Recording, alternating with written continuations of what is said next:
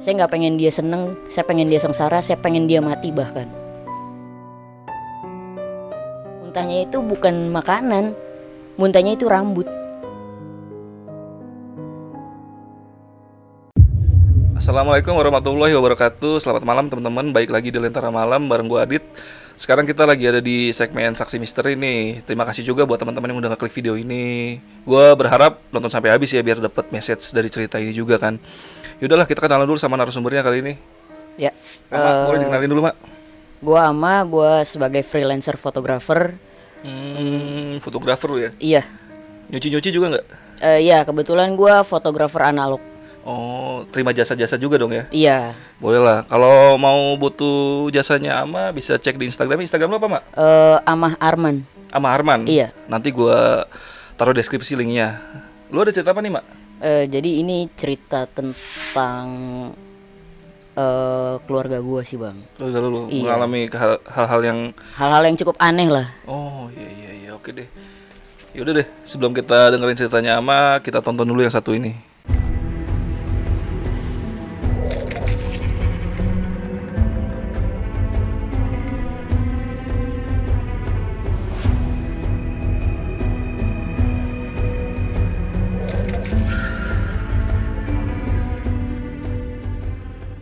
Ya jadi ini kejadian sekitar 16 tahun yang lalu.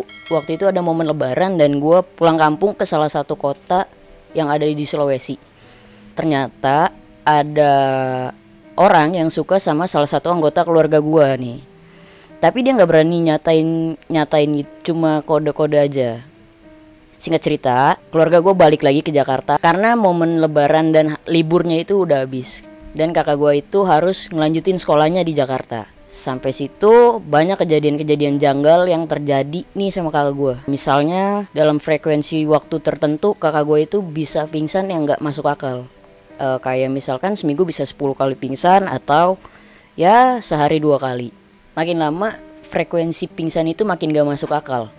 Jadi sehari bisa tiga atau empat kali pingsan. Setelah itu luluslah kakak gua sekolah, makin gak masuk akal lagi. Jadi kakak gue ini sempet di opnam di rumah sakit tiga bulan. Setelah itu dicek kondisi kesehatannya ternyata nggak ada sakit medis yang ada di badannya dia gitu. Udah sempet CT scan atau segala macam takutnya kan karena dia sering pingsan terbentur gitu ya. Jadi dia takutnya ada ada pendarahan di otak atau di kepala, ternyata nggak ada.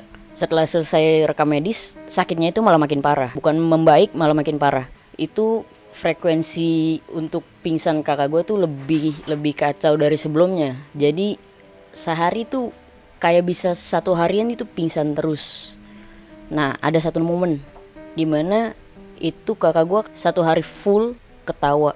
Memang dasarnya dia rajin sholat.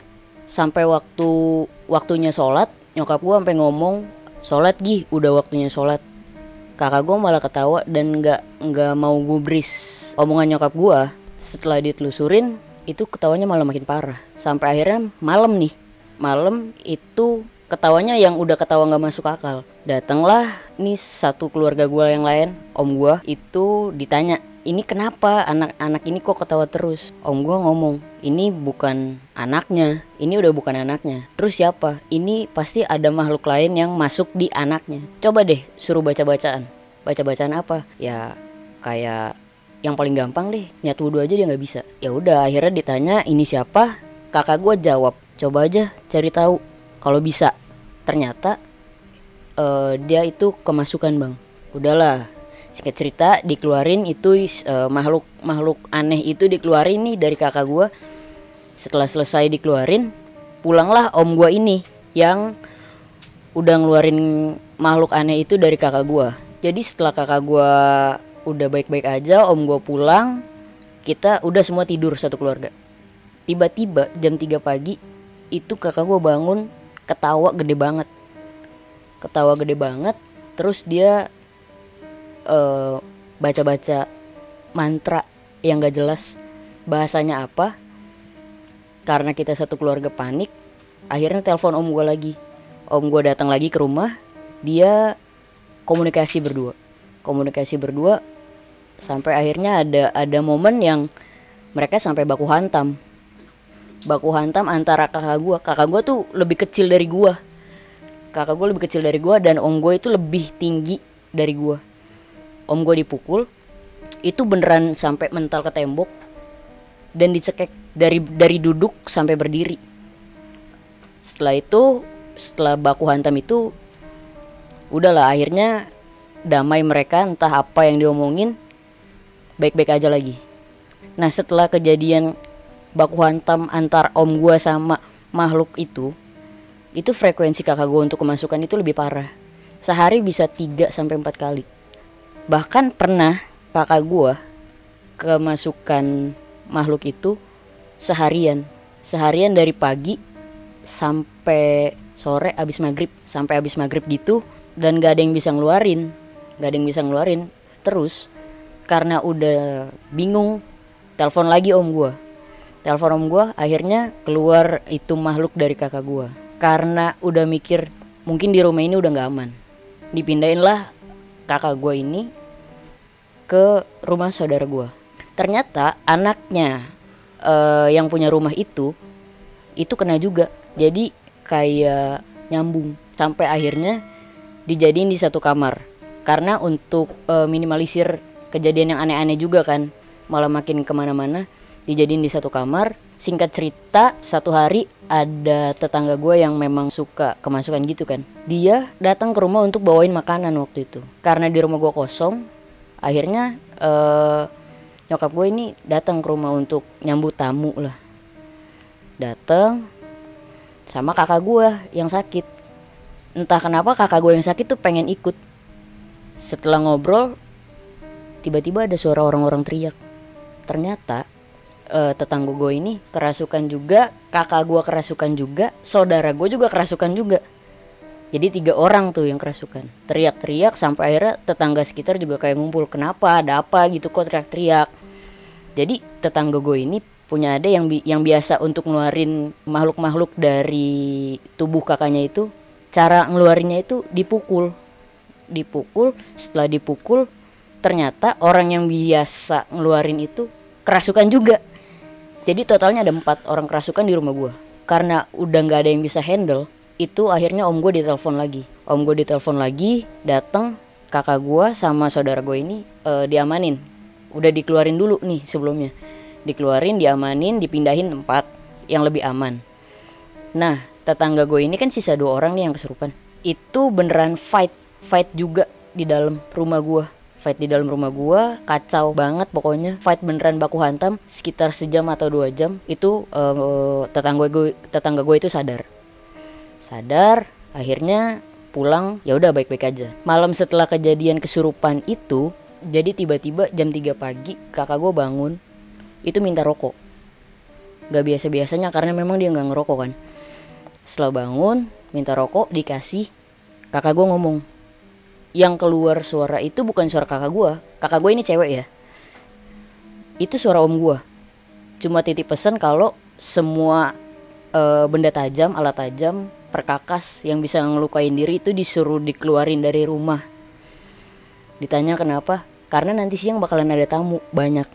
Di situ posisinya padahal om gue itu udah berangkat buat berlayar. Om gue ini pelaut. Kaget bingung jadi satu. Setelah itu udahlah dikeluarin semua apa pesennya. Singkat cerita nih udah siang nih. Tiba-tiba kakak gue ini yang sakit itu minta pulang ke rumah gue ada di satu kamar yang memang katanya di situ gudangnya lah tempatnya markasnya mereka. Nah kak, e, saudara gue yang ketularan ini juga ikut. Saudara gue yang ketularan ini juga ikut. Akhirnya mereka duduk di satu tempat karena khawatir uh, kakak gua yang satu lagi cowok itu ngikutin. Karena takut ada apa-apa. Gak lama dari kakak gua ngikutin ternyata itu dua orang yang sakit kerasukan lagi. Karena bingung orang yang ngobatin itu nggak ada akhirnya dia pakai mediator gitu.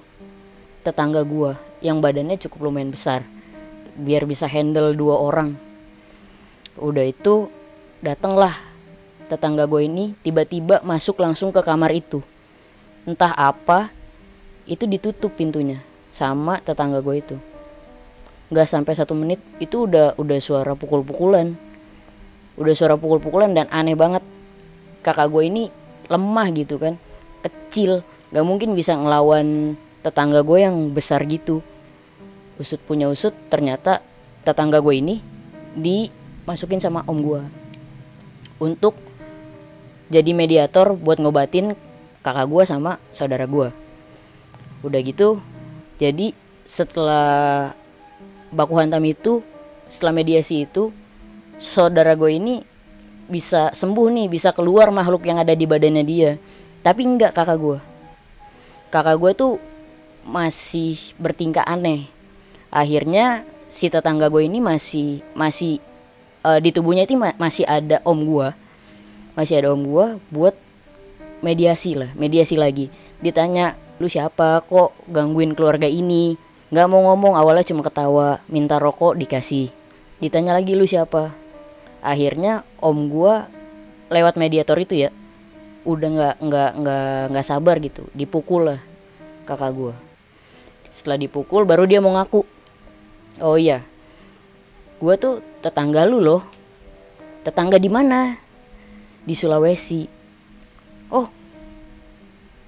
Maksudnya apa lu uh, mau ngancurin keluarga ini tuh untuk apa? Iya gue sakit hati. Sakit hati kenapa? Iya gue suka sama orang ini. Orang ini tuh kakak gue ya. Gue suka sama orang ini tapi orang ini malah ngeludah di depan gue maksudnya apa? Ngeludah? Iya. Ngeludah maksudnya apa? Mungkin gak sengaja kata om gue gitu tapi gue sakit hati. Gue suka sama dia dia malah ngeludah di depan gue gue nggak suka. Terus lu maunya apa? Saya mau orang ini celaka gitu. Lu nggak mungkin kan uh, ngirim beginian kalau nggak ada medianya perantaranya. Perantaranya tuh apa? Perantaranya tape tape ketan. Terus diisinya pakai apa? Pakai rambut. Rambut rambutnya siapa? Rambutnya orang ini orang itu orang ini tuh yang kakak gue yang kerasukan. Padahal uh, kakak gue yang kerasukan ini nggak sempat potong rambut di sana gitu. Nggak ada kayak ya buang rambut sembarangan enggak justru kakak gue yang kedua yang potong rambut di di Sulawesi itu. Gimana caranya biar bisa dapetin rambutnya? Ya saya saya diam-diam masuk ke dalam rumah tengah malam saya potong sedikit rambutnya saya masukin ke dalam tape ketan yang dia makan. Ya udah keluarin. Nggak nggak bisa. Keluarin nggak bisa. Dipukul lagi sama gue akhirnya dimuntahin. Dimuntahin muntahnya itu bukan makanan. Muntahnya itu rambut. Rambut yang yang udah kusut gitu yang udah kusut banyak dari dalam mulut keluar muntah.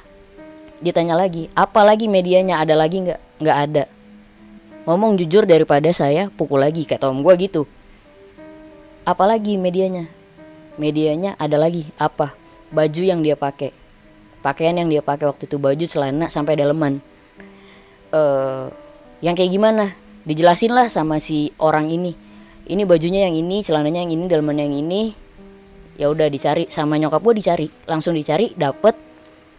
Ditanya ditanya lagi ini bajunya mau diapain? Dibakar lah kok dibakar? Biasanya kan digunting atau dibuang. Iya ini harus dibakar dia bilang gitu. Kamu jangan bohong. Digituin sama om gue ditanya kamu jangan bohong. Iya. Dibuang ke laut. Harus dibuang ke laut. Kenapa kamu tadi bilang dibakar? Om gue nanya lagi.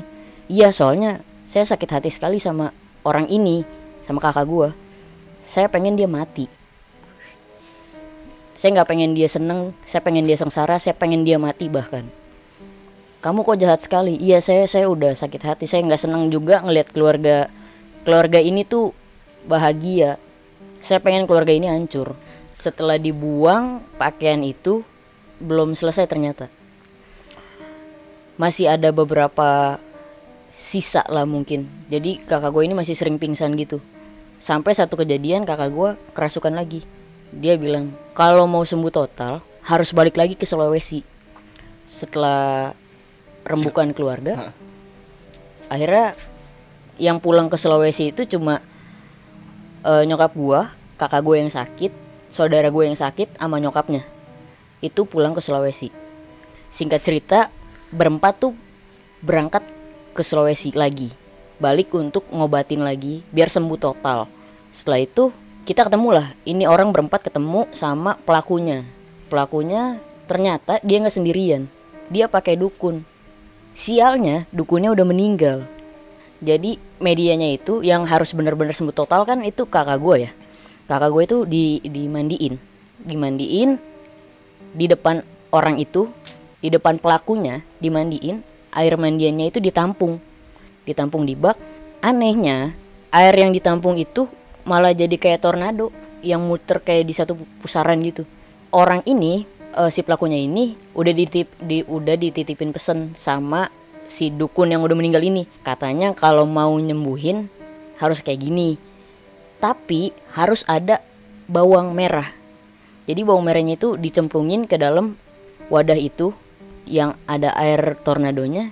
Kalau si bawangnya ini tenggelam itu kakak gua selesai lewat. Tapi kalau masih ngapung itu udah selamat gitu. Ditungguin sambil ditungguin itu kakak gua. Matanya putih semua. Matanya setelah mat, eh, kakak gua matanya putih semua dan si pelakunya matanya jadi biru biru blue sapphire yang mengkilat gitu. Setelah eh, si tornado ini berhenti bawangnya eh, ternyata ngapung. Bawangnya ngapung dan kakak gue pingsan. Orang yang si pelakunya ini juga pingsan. Setelah bangun ditanyain ini berarti udah udah sembuh dong? Harusnya udah nggak ada apa-apa lagi dong karena ya bawangnya udah ngapung. Kata dia iya. Kata si pelakunya tuh iya. Eh, apa jaminannya? Kalau misalkan sampai kakak gue ini sakit-sakitan lagi gitu pingsannya nggak nggak yang wajar lagi. Si pelakunya ini berani jamin kalau ya udah kalau lu masih sakit ya gua tusuk diri gue sendiri pakai badik. Gue tusuk diri sendiri gue pakai badik biar ya let's say ini santet biar santetnya hilang dan guanya juga udah selesai nggak ada apa-apa lagi yang ketinggalan gitu. Udah sih bang. Jadi akhirnya sekeluarga lu tuh yang berempat itu pulang lagi ke, Ja- ke Jakarta lagi berarti. iya gitu. iya pulang lagi ke Jakarta. Tapi itu sampai Jakarta benar-benar clear apa enggak tuh?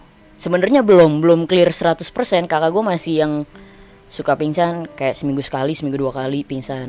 Setelah ditanya-tanya ternyata ya udah itu memang udah ini. Tapi setelah setelah pingsan ini setahun lah paling enggak itu baru bisa sembuh total Hmm, itu pingsan-pingsan aja, nggak ada nggak ada kerasukan lagi. nggak ada Oh berarti tinggal pingsan-pingsan, berarti kayak ampas-ampasnya aja kali ya? iya sisanya aja Oh iya, iya, iya. Tapi kakak lu sampai, sekarang masih sehat nih. sehat-sehat alhamdulillah Kabar pelakunya lu tahu nggak kayak gimana sekarang? kabar pelakunya gue tahu sih bang cuma dia nggak pengen digubris kan maksudnya untuk orang-orang sekitar yang kenal sama dia tuh jangan sampai tahu lah kalau tahu ya tanggung resiko dia bilang gitu Oh mungkin syaratnya dia ngeluarin itu tapi jangan sampai ada yang tahu gitu. iya gitu Eh, kacau juga ya.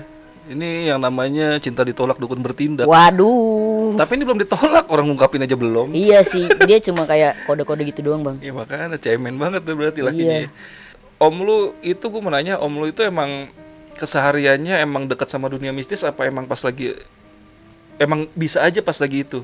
Atau emang hari-hari emang dia menggeluti dunia-dunia mistis kayak gitu dia sampai bisa masukin ke badan orang tuh kan ibaratnya ilmunya kan lumayan tuh kalau dia Iya. masukin ke badan orang kan gitu. Iya. Padahal dia posisinya di mana? Apalagi lagi Iya. berlayar di laut kan. iya lintas benua Waduh, dia itu di mana serius Dia lagi di mana itu? dia lagi di Afrika Dia emang kayak gitu, apa hari-hari dekat sama dunia-dunia mistis. enggak sih dia emang bisa cuma dia kayak nggak percaya dia cuma ngeluarin ilmunya itu pada saat keluarganya kesusahan Oh iya iya. iya.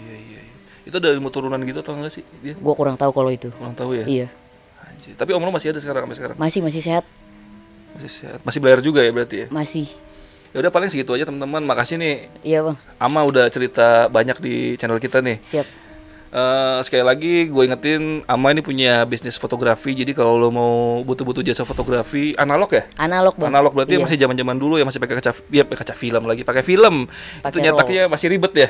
Eh, lumayan Lumayan ribet ya. Iya. Pakai ruangan-ruangan yang merah gitu bener nggak enggak sih? enggak sih enggak sampai segitunya karena kan sekarang zaman udah makin modern jadi Hmm. udah ada mesinnya Oh iya iya. Oke deh, pokoknya kalau ada apa-apa yang pengen berhubungan sama fotografi, bolehlah ngontek-ngontek amal lah. Ya udah paling segitu aja. Terima kasih teman-teman yang udah dengerin sampai habis. Gua Adit dan Ama. Sampai jumpa.